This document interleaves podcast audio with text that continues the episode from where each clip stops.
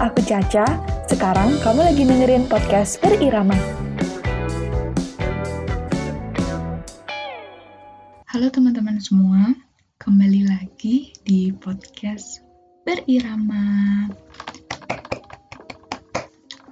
Aku mau cerita sedikit tentang keresahanku terhadap sesuatu hal. Cie. Kayak sok serius aja ya. Jadi kemarin sekitar satu hari yang lalu, ya berarti kemarin ya. Nggak efektif banget kalimatku kemarin malam eh sore kayaknya. Malam sore apa siang gitu aku lupa. Itu kan labil. Kemarin dah intinya. Aku tuh seperti biasa twitteran. Terus buka twitter terus nemu ini salah satu postingan di manifest. Di mana itu manifestnya yang manifest akademik pendidikan dan college thing kayak gitu deh. Nah di postingan itu tuh si sender ini ngirimin screenshotan dari story Instagramnya temennya. Di mana si story story ya story Instagram temennya ini bilang kalau sebentar Nah jadi si teman sender ini tuh bikin story di Instagram kan dan bilang gini patah hati yang sesungguhnya. Pertama, lolos UGM Manajemen jalur PBUB. Kedua, lolos Universitas Telkom Komunikasi dan Ekonomi, Ekonomi Bisnis jalur beasiswa. Yang ketiga, lolos UTY jurusan Manajemen jalur peminatan. Terus lolos UNY Pendidikan Ekonomi jalur peminatan. Lalu yang terakhir lolos UNS Pendidikan Matematika jalur PMDK UNS. Semuanya nggak aku daftar ulangin gara-gara STAN, dan ternyata tahun ini STAN tidak menerima mahasiswa baru. Set. Ayolah, kalau kalian dengar teman kalian ngalamin kayak gitu, rasanya gimana? Nyesek banget gak sih? Kayak kita menaruh perasaan kasihan kayak gitu loh ke orang ini. Terus aku buka nih repliannya. Soalnya rame, kayak seribuan gitu yang reply. Aku baca dan rata-rata bilang malu. Gak bersyukur. Karma karena gak bersyukur. Gak punya logika gak punya otak kata-kata yang menyumpah serapahkan lah istilahnya aku bisa bilang perilaku si orang ini gak bener. Menurutku perilaku itu tuh salah gitu loh. Karena kenapa kok salah? Ya buat apa kamu daftar di segala univ dan lolos? Kebetulan univ yang kamu daftarin itu lolos semua. Terus kamu nggak mau daftar ulang karena punya satu kepinginan yaitu masuk stan. Yang jadi masalah kalau kamu dari awal udah pengen masuk stan kenapa kamu daftar segitu banyaknya univ? Di mana ada sekitar 1, 2, 3, 4, 5 5 univ yang kamu daftar yang mungkin aja sebagai cadangan buat masuk stan. Oke aku balik logikanya mungkin si orang ini apa ya aku merasa seharusnya tuh dia ya paling nggak kalau kalau dari lima itu kamu ambil satu lah paling enggak yang kamu paling seret kayak gitu loh. Jangan semuanya semuanya dilepas. Tapi di sini aku nggak ngejudge karena aku nggak tahu kondisi apa yang dialami si anonim ini. Kenapa sampai dia nggak daftar ulang di lima universitas tersebut dan ujung-ujungnya juga milih stan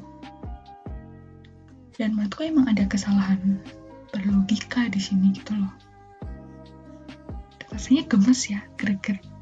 Karena aku yakin selain dirimu yang dirugikan si anon ini yang dirugikan banyak dari teman-teman yang mereka sangat mengimpikan untuk mendapat kursi-kursi tersebut tapi nyatanya mereka nggak lolos dan orang yang lolos buat dapat kursi tersebut malah nggak daftar ulang. Itu kan apa ya sebuah kesalahan bertindak gitu loh. Tapi menurutku terkadang tuh manusia emang harus ngerasain kayak gini. At the end of the day at the end we're just human yang kita tuh bisa banget berbuat salah. Kita tuh bisa banget salah strategi. Kita tuh bisa banget buat gak mikirin secara visioner kayak gitu jujur aku sempat speechless sih lihat postingan ini.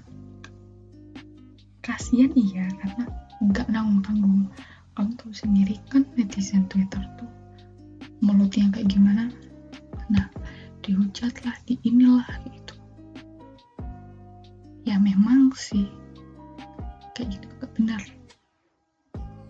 Dan ya kembali lagi kan kayak yang tadi aku udah bilang manusia tuh kadang perlu buat di ada di suatu kejadian yang dia tuh benar-benar dikucilkan lah di kata-katain dihujat gitu. Nggak semua manusia tapi menurutku at some point beberapa manusia tuh harus dapat kejadian kayak gitu gitu loh. Buat dia tuh sadar kalau ya seharusnya tuh aku tuh nggak boleh kayak gini. Ya seharusnya tuh aku tuh bisa memikirkan hal ini secara lebih matang. Karena menurutku daftaran univ tuh nggak main-main. Nggak yang kayak kamu bisa asal aja gitu enggak karena di sini melibatkan banyak pihak ya melibatkan banyak orang juga. Jadi menurutku hal kayak gitu tuh nggak bener kayak gitu loh. Semua orang menurutku semua orang itu berhak atas mimpinya masing-masing.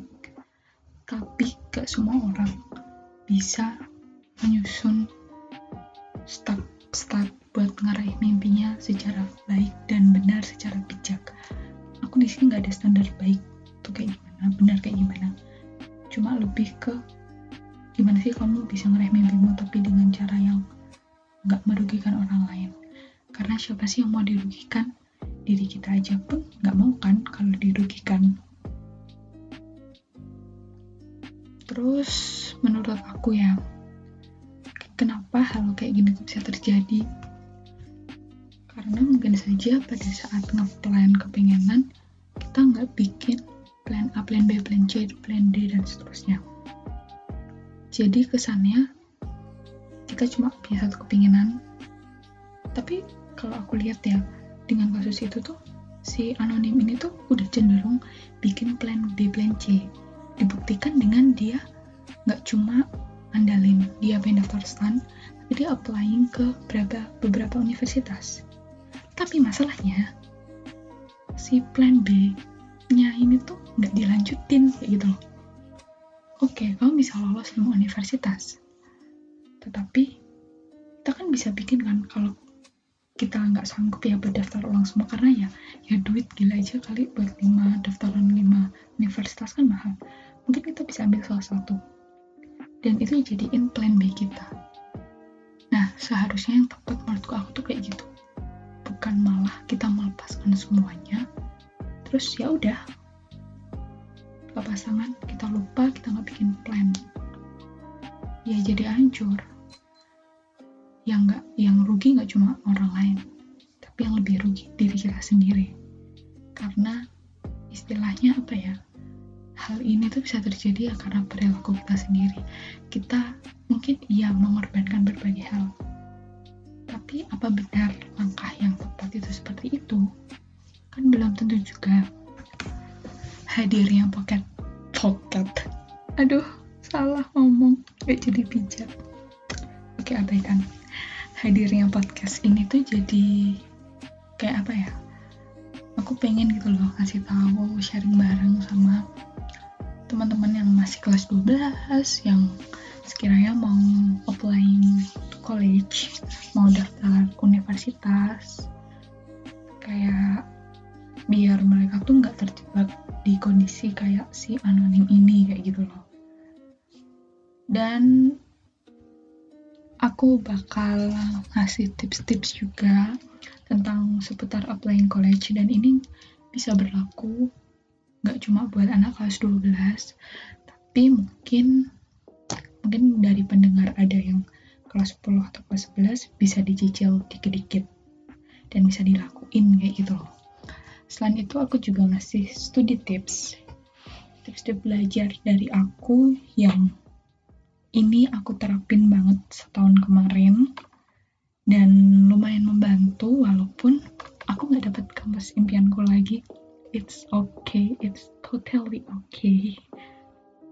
Tapi tips belajar ini menurutku sangat berguna banget dan bisa diterapkan buat siapa aja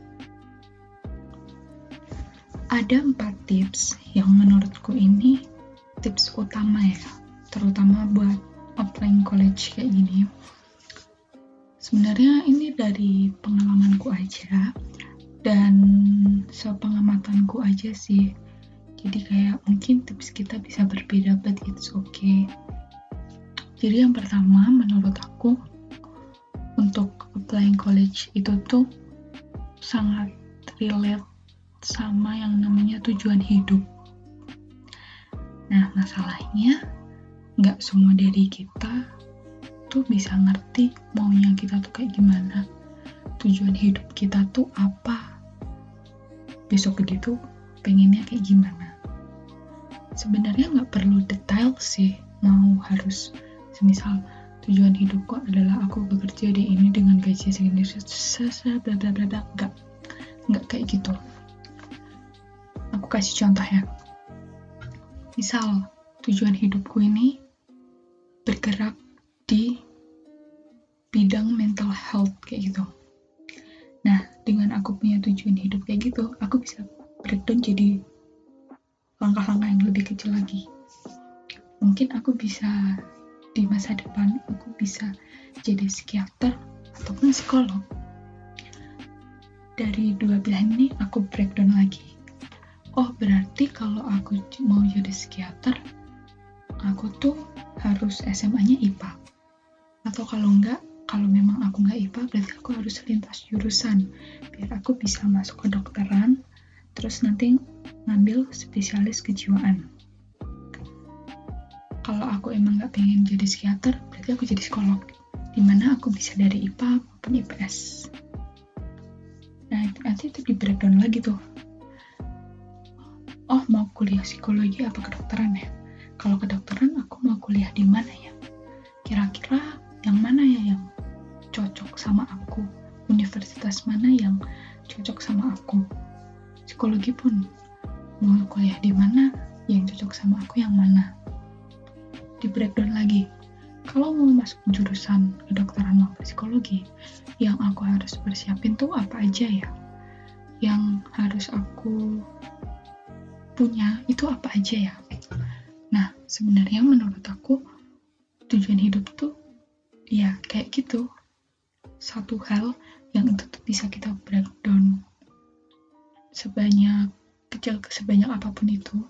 Jadi kayak istilahnya itu kayak visi terus kita bagi misi-misinya buat kita bisa meraih misi tersebut.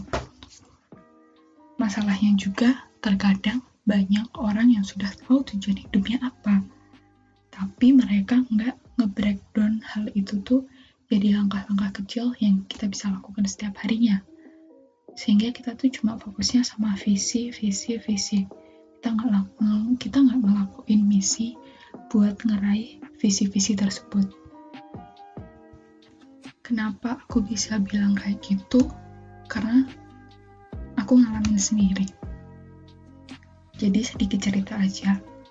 Aku dari dulu dari SMP kelas 8 aku pengen kuliah di psikologi di salah satu universitas yang ada di Jogja. Ya UGM udah aku sebut aja. Dari kelas 8 aku ingat banget aku nempel di dinding kamarku. Sampai masuk SMA pun pilihanku masih sama. Kayaknya UGM psikologi deh kayaknya UGM psikologi. Tapi yang aku lupa adalah aku ngelakuin misi-misi buat aku bisa di buat aku bisa aku masuk kayak gitu loh di UGM di psikologi. Waktu SMA aku nggak rajin belajar. Aku nggak banyak explore tentang psikologi di UGM itu kayak gimana. Aku nggak explore kayak nanya kalau matkul psikologi itu dapat apa aja sih? Research research di internet. Matkul psikologi itu isinya apa aja? Terus kayak mungkin passing grade ya walaupun passing grade itu secara nggak resmi ya. Universitas kan nggak ngeluarin cuma kayak aku nggak nyari-nyari hal itu. Terus banyak hal yang aku tinggalkan dan nggak aku lakukan gitu. Loh tetapi beberapa ada yang aku lakukan tetapi itu aku lakuin di akhir tahun.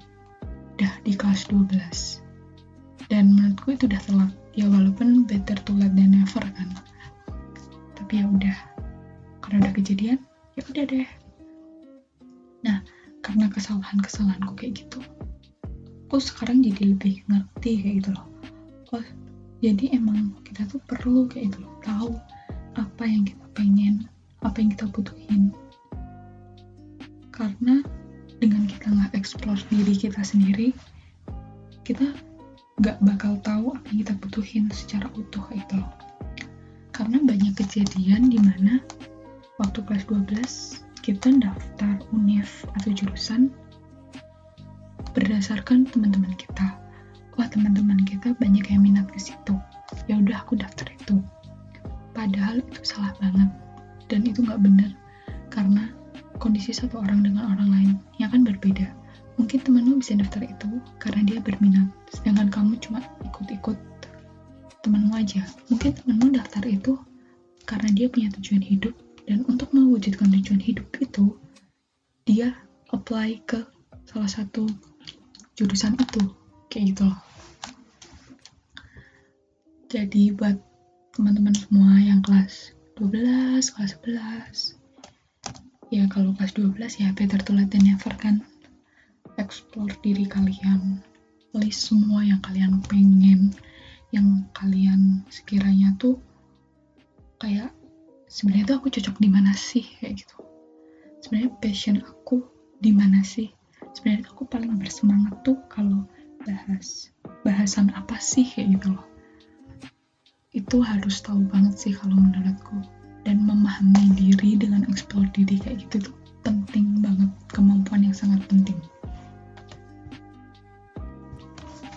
Mungkin ada kalanya nanti kamu dicap idealis sama orang-orang. Kayak yang ah gila idealis banget sih kamu. Gak realistis. Orang-orang mungkin bisa bilang gitu ketika mereka tahu jurusan apa yang kamu pengen kayak gitu. Misal nih kamu sehari-harinya tuh males-malesan terus tiba-tiba kamu pengen masuk ke dokteran kayak gitu. Nah karena kamu udah punya kepinginan itu aku yakin kamu juga berusaha untuk nggak malas-malesan dan start buat belajar. Tetapi nggak dipungkiri orang-orang pasti bakal nilai kayak ah kamu kan males. Ngapain sih so idealis banget buat daftar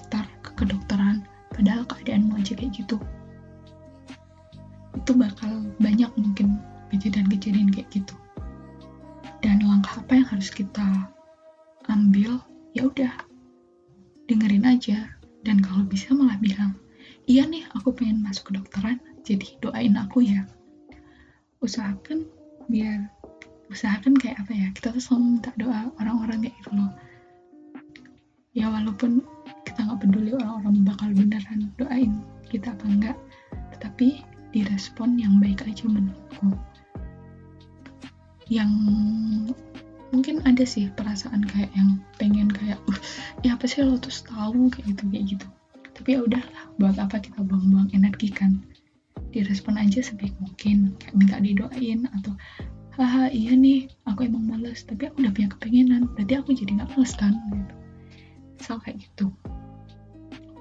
Dan menurutku selain kita dengan kita idealis kita punya mimpi itu tuh kayak jadi nguji apa ya nguji ketekunan kita kayak gitu loh. Menurutku kalau kita terlalu realistis dan terlalu pasrah akan keadaan ujungnya kita nggak mau berusaha ujungnya kita cuma istilahnya nerima keadaan secara kasar apa adanya dan kayak nggak ada ambisinya gitu. Jadi menurutku idealis itu perlu. Tapi yang imbang juga sama realistis gitu gimana cara ngimbangin idealis sama realistis terutama masalah applying college kayak gini yaitu bikin plan A, B, C, D, E, dan seterusnya. Menurutku dengan kita bikin banyak plan, kita menjadi realistis gitu loh. Kayak kita tahu kalau kita tuh nggak mesti diterima di plan pertama kita. Karena ya ujung-ujungnya kan kita juga cuma bisa do our best and let God do the rest kan. Kita tawakal sama yang di atas. Kita berserah diri sama yang di atas dan tinggal ya udah kita nunggu pengumuman nunggu hasil. Karena kan kita udah bekerja keras. Jadi menurutku penting banget buat bikin plan B, C, D, E, F dan sebagainya. Di mana dulu ini jadi kesalahan banget di aku. Karena aku nggak bikin plan B. C, D. Jangan kan plan C ya. Plan B aja tuh aku nggak bikin. Jadi waktu itu tujuanku tuh cuma emang satu psikologi psikologi psikologi UGM UGM UGM psikologi UGM udah fix pakem itu aja tujuanku pas SBMPTN 2018 oh ya bentar jangan kan sampai SBM SNM SNM SNM kan aku lolos 50% tuh. Di situ aku cuma milih satu psikologi UGM karena emang aku waktu itu mikir kalau SNM ya udah aku cuma apply ke tempat yang emang aku pengen aja. Dan aku nggak mau nanti kalau misal aku apply dua tempat dan aku keterima di tempat kedua di pilihan dua itu aku nggak mau nanti ujungnya malah aku mengundurkan diri dan itu malah ngaruh di indeks SNMPTN sekolahku kayak gitu loh. Jadi aku SNM tuh cuma apply satu di psikologi UGM terus yang SPM kok apply tiga. Psikologi UGM psikologi undip sama ilmu komunikasi UPN nah yang ilmu komunikasi UPN ini pilihan orang tuaku. Karena benar-benar aku tuh clueless banget aku udah nggak punya plan B lagi buat aku harus ke mana. Aku pokoknya tuh pokoknya gimana pun caranya aku harus keterima di psikologi UGM aku nggak mau yang lain. Itu yang aku pengen. I was so ambitious that day, that moment. Kayak gila sih, aku ngerasa li lihat ambisiusku waktu itu, idealisku waktu itu kayak yang nggak main-main. Aku bener-bener pengen mewujudin mimpi aku, tapi aku lupa kalau aku tuh cuma bisa merencanakan ya itu loh. Karena menurutku waktu itu aku udah keren. Di saat teman-teman kok masih bingung mereka harus kuliah mana, aku tuh udah punya tujuan gitu loh. Dari SMP bahkan. Udah punya tujuan. Tapi yang beko aku ngerasa keren karena aku udah punya tujuan. Walaupun aku lupa aku nggak setting plan B nya kan udah tuh kegoblokan yang mendarah daging kan thanks aja waktu itu. Coba kalau aku nggak ada di titik itu mungkin aku nggak bisa kayak sekarang gitu ya. Cialah apa sih? Udahlah back to topic.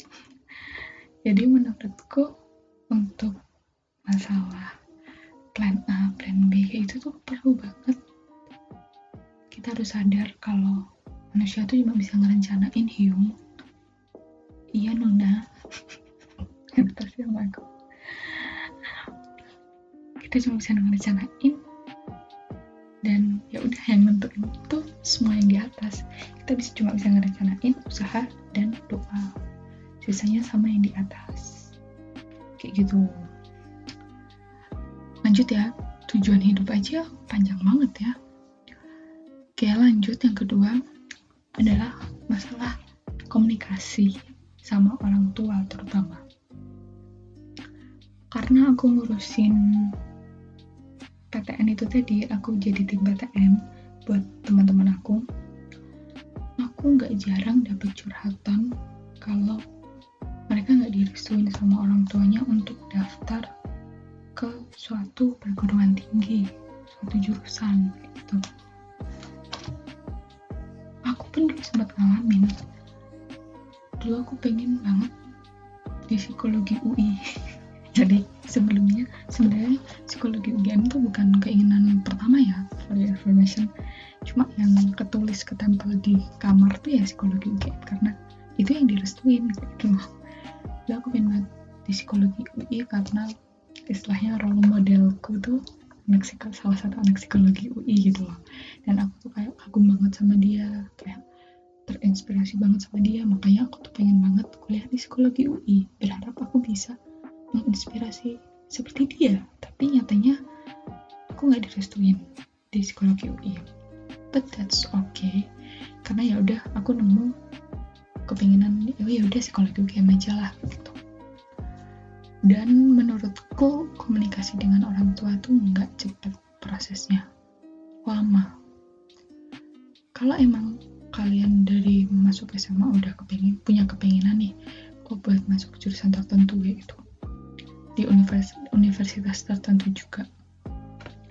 Ya udah bicarain aja sama orang tua kalian. Dibawa apa ya dibicarain secara kontinu kayak gitu. Loh aku aku apa ya aku merasa orang kalau tiba-tiba ditolak sama orang tuanya nggak boleh di A kayak gitu itu bisa aja tuh karena ngomongnya dadak udah mau daftaran SNM SBM baru ngomong aku mau daftar ini aku mau daftar ini maka dari itu perlu banget komunikasi buat sama orang tua. Speak up aja. Ya aku tahu nggak semua berani buat speak up. Tapi menurutku untuk applying college ini mau nggak mau kalian harus berani buat speak up. Karena ini menyangkut kepenginan kalian juga. Menyangkut tujuan hidup kalian juga mungkin. Menyangkut apa yang ingin kalian tekuni juga. Jadi berani aja speak up kayak ceritalah ke orang tua kok aku berminat? Misalnya aku pengen masuk arsitektur gitu keren ya. Misalnya uh, aku kok suka aku suka gambar suka desain desain rumah gitu. Suka hal-hal yang berbau arsitektur kayak gitu. Bilang aja ke orang tua kayak aku punya interest sama ini. Oke kalau kalian nggak berani bilang tunjukin di depan orang tua kayak misal pengen masuk seni rupa atau jurusan seni yang lain lah kayak gitu. Kalian lakuin aja. Hobi kalian misal hobi kalian pengen gambar ya udah kalian gambar. Terus di kamar kalian tuh ditempel-tempel gitu loh hasil gambaran kalian. Terus biar kalau orang tua masuk kamar terus kayak lihat oh ini gambaran anakku kayak gitu kayak gitu. Nah menurutku itu mungkin salah satu alternatif ya kalau kalian nggak mau ngomong tapi menurutku kalau ngomong tuh wajib. Jadi at least kalau kalian masih nggak berani ngomong ya udah tunjukin pakai action kalian. Tetapi ada saatnya di mana kalian harus ngomong mau kalian tuh kayak gimana. Tapi banyak juga yang begitu habis ngomong-ngomong sama orang tua terus nggak mau ngomong lagi karena ditolak lah dimarahin lah. Kamu tuh mau jadi apa kuliah ini? Kamu tuh emang yakin kuliah kamu jurusannya bagus. Emang kamu mau besok makan apa kalau kerja dari jurusan yang kayak gitu gitu?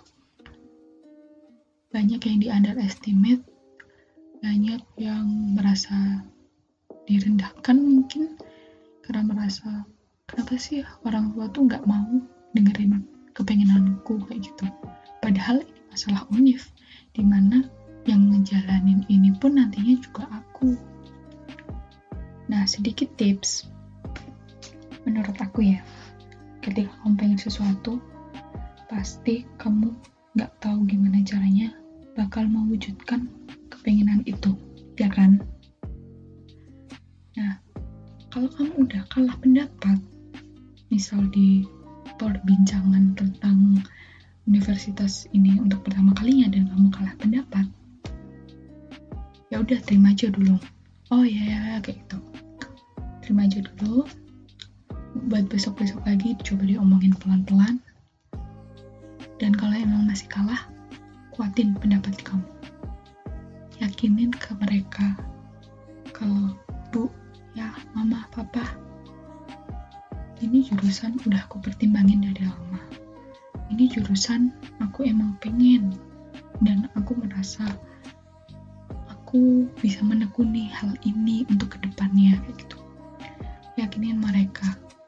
Kalaupun yakinin mereka kalaupun emang sampai masih sampai apa ya mereka belum yakin jangan lupa yakinin juga lewat doa. Kalian tuh ibadah doa minta yang di atas buat apa ya meluluhkan istilahnya meluluhkan hati orang tua kayak gitu. Loh ajak ngobrol terus. Pokoknya obrolan kayak gini tuh nggak sekali jadi menurut aku. Harus continue continue continue continue kayak gitu loh jadi kayak secara berkala terus pelan-pelan yakininnya muatin pendapat. Kamu juga harus research tentang jurusan kamu kepengenan kamu explore diri kamu juga jangan lupa. Kadang emang mungkin ada juga yang kayak gini ya ketika kita pengen A terus kita ngomong ke orang tua terus orang tua nggak nyetujui nggak nyetujui pilihan kita terus kita jadi mikir apa iya ya benar nggak ya? Aku emang benar apa benar pengen apa enggak dan itu bisa buat jadi pertimbangan juga Bukan berarti kalian harus selalu mengikuti perkataan orang tua tentang ini, karena ujung-ujungnya ini tuh juga yang ngejalanin kamu juga. Tapi perkataan orang tua tuh bisa dijadikan pertimbangan, jangan ditolak mentah. Kayak, ya aku benci karena ideku ditolak, karena pendapatku diremehkan gitu. Dikaji ulang lagi, uh, kenapa sih orang tua bilang kayak gitu ke aku, cari alasannya, cari maksud orang tua kenapa bilang kayak gitu ke kita terus direlatin tuh sama kita. Kalau ternyata itu nggak benar ya udah. Kita bisa yakinin orang tua kita lagi kayak gitu. Mungkin pros prosesnya terdengar capek ya. Kayak aku pun ngomongin ini juga capek kayak gitu loh. Tapi menurutku ya emang kayak gitu. Applying college ini tuh menurutku tuh proses pendewasaan gerbang proses pendewasaan kayak gitu loh. Di mana kamu dihadapkan berbagai pilihan dihadapkan berbagai pendapat yang harus kamu saring yang harus kamu sesuaikan dengan dirimu sendiri. Jadi menurutku applying college itu nggak mudah prosesnya tuh panjang. Dan dengan melewati proses ini kita tuh benar-benar aku ya aku merasa selama dua tahun ke belakang aku tuh benar-benar didewasakan gitu loh. Aku jadi lebih bisa kayak menimang-nimang menimang-nimang emang bayi. Kayak aku tuh bisa mempertimbangkan. Sebenarnya aku tuh cuma pengen apa beneran aku tuh interest banget kayak gitu loh. Ya kayak gitu tuh. Serba-serbi applying serba-serbi applying college. Ya mungkin buat kalian yang teman-teman semua yang kelas 12 terutama kelas 12 ya. Kalian harus sudah ada punya omongan sama orang tua. Apalagi kan udah SNMPTN ya kemarin udah SNMPTN terus bentar lagi UTBK bentar lagi SBMPTN nah tips buat yang masih kelas 10 kelas 11 nih. Nah ekspor diri kalian banyak-banyak sambil kalian cerita-cerita ke orang tua tentang interest kalian. Biar nanti selain mungkin kalian bisa lebih gampang buat ngomong jurusan yang kalian pengen ini juga bisa memudahkan orang tua juga buat kayak nyaranin mungkin oh kayaknya menurut kita tuh kamu tuh cocoknya di sini ya. Terus nanti kamu bisa kaji juga tuh apa benar sih omongan orang tua? Apa benar aku cocok di situ? Mumpung masih kelas 10 sama 11 banyak-banyakin explore dan banyak-banyakin cerita ke orang tua tentang interest kalian tentang kepinginan kalian tentang passion kalian. Dan menurutku itu penting banget. That's why aku kan tadi udah bilang kalau applying college ini salah satu jadi gerbang buat kedewasaan kita diuji kayak gitu loh. Ya mungkin ada dari kita yang sebelum applying college tuh udah ngalamin proses pendewasaan dulu itu tapi in general menurutku ini kayak decision decision keputusan keputusan untuk mau lanjut ke mana atau mau gap year atau ke jurusan apa itu tuh sangat memperlu sangat kunci kedewasaan kita. Dan proses buat menuju kedewasaan itu nggak gampang. The process of getting better is uncomfortable sometimes hurtful but it's necessary. Kayak gitu. Dan yang namanya awal yang namanya awal itu gak ada gampang kayak gitu. Aku bingung nih ngomong apa lagi. Lanjut ya. Yang selanjutnya yaitu menurut aku penting bagi kita buat melihat resiko. Resiko apa aja sih kalau semisal kita berkuliah di jurusan A kayak gitu. Terus kayak apa ya? Kayak bakal diomongin nggak ya sama orang-orang kalau aku milih jurusan ini kayak gitu menurutku itu nggak terlalu penting. Kalau kayak diomongin kayak itu menurutku itu nggak terlalu penting buat dipikirin. Cuma kayak ya kita perlulah menyiapkan konsekuensi-konsekuensi tersebut. Biar apa? Biar kita tuh nggak kaget. Biar kita tuh nggak kaget gitu loh. Kalau misal kita masuk jurusan A terus kayak orang-orang pada bilang ih lo kan pintar kenapa sih kamu lo aduh ngomong pakai lo gue ulang bisa aja kamu tuh diomongin kayak ih kamu kan pintar kamu ranking satu. Kenapa sih kamu masuk jurusan ini padahal kan jurusan lain lebih bagus? Sakit gak sih diomongin kayak gitu? Padahal kita yang ngalamin padahal kita yang memilih. Tapi seolah-olah bilang kita tuh buruk di mata orang lain kayak gitu loh. Dan menurutku dengan melihat resiko ini ya sekedar buat konsekuensi aja kayak gitu. Kayak yang bisa aja kasusnya.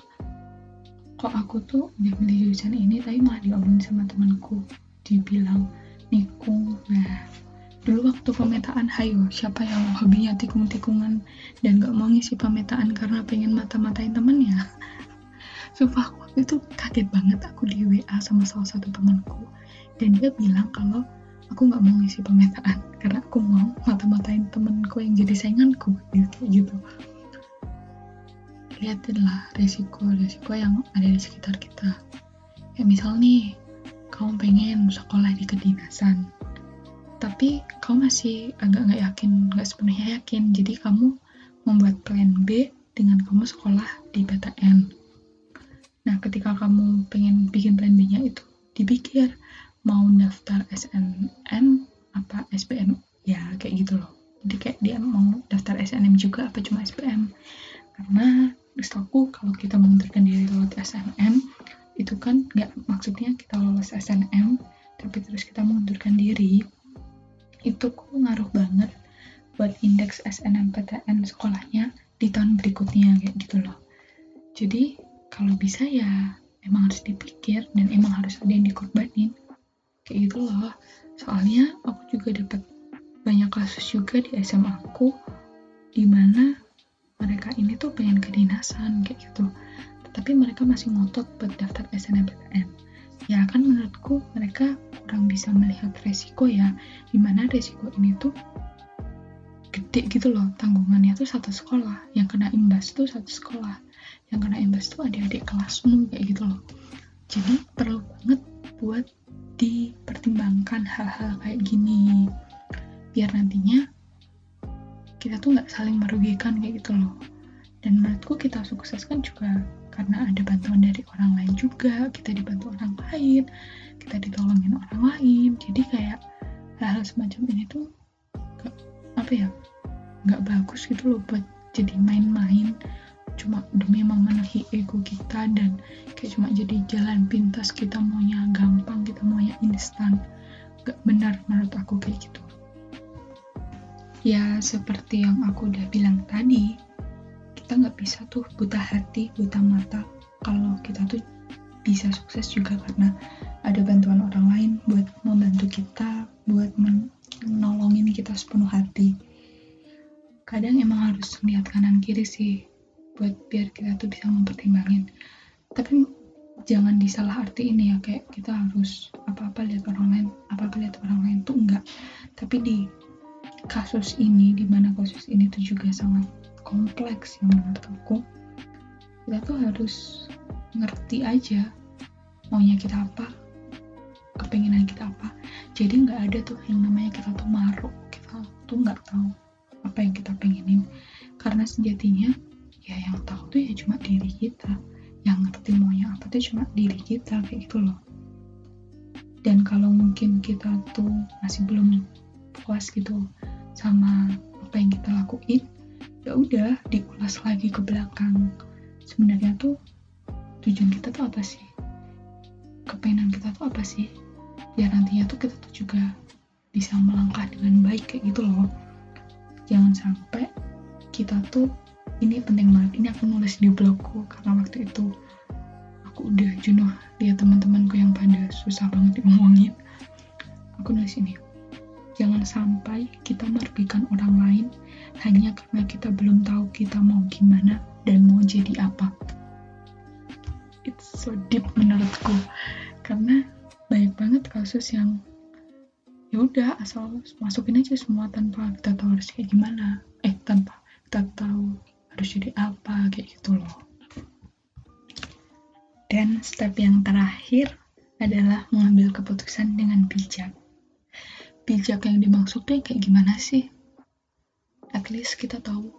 Ya hal-hal yang di atas kita tahu risiko dengan kita ngambil keputusan itu apa kita tahu konsekuensinya apa kayak gitu.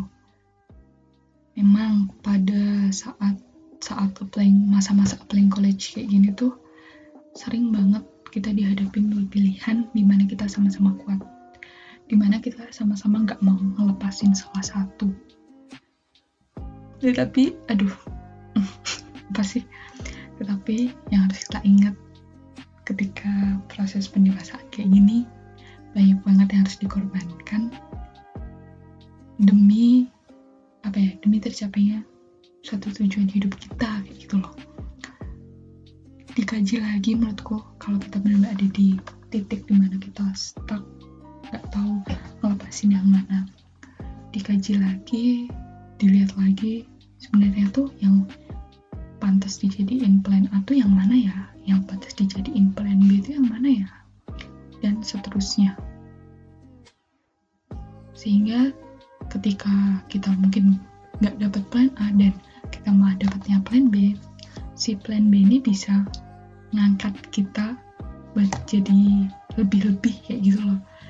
Jadi benar-benar buat ngambil keputusan ini kita harus bisa bijak, kita harus bisa apa ya benar-benar siap kayak gitu loh untuk melihat dan untuk ngalamin segala konsekuensi serta risikonya.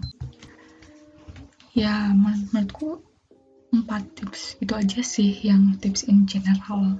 Sisanya ya kalian sesuaiin sama diri kalian aja kayak gitu loh. Ya, menurutku dengan aku ngomong kayak gini, aku juga merasa kalau applying college itu nggak gampang. Untuk memutuskan kita harus ke mana itu nggak gampang.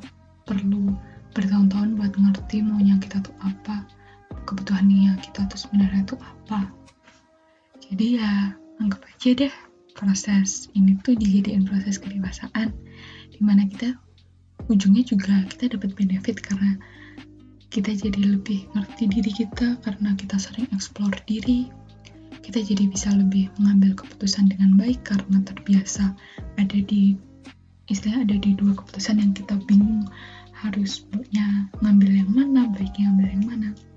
Kita jadi terbiasa untuk menghadapi masalah-masalah kayak gini yang ya menurutku ini masalah besar ya. Applying college kan gede gitu loh, suatu hal yang besar gitu. Dan dengan mungkin kita melakukan kesalahan di tahun-tahun sebelumnya, kita bisa jadi belajar kayak gitu loh.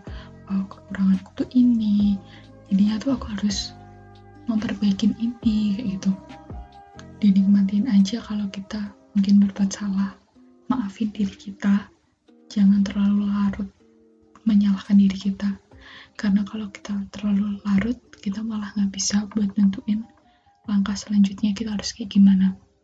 Ya kan manfaatin apa ya rasa rasa bingungnya dirasain rasain aja ya ujungnya kita juga cuma bisa nikmatin aja kan semua proses pendewasaan diri kita yang dimulai dari applying college ini.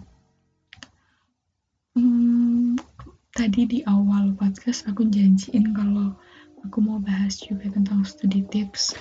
Tapi ketika aku lihat durasi ini udah 44 menit. Ini udah lama banget dan gak enak banget kayaknya kalau lebih dari ini. Jadi buat studi tips studi study study tips tentang applying college aku bahas di episode selanjutnya aja.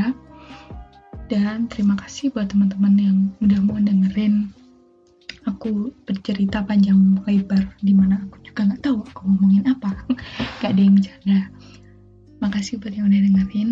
Dan buat teman-teman yang kelas 12, 11, 10 semoga kalian dimudahkan untuk mengambil keputusan ke stage-stage berikutnya semoga kalian bisa mendapatkan apa yang kalian impikan, apa yang kalian mau. Bye bye.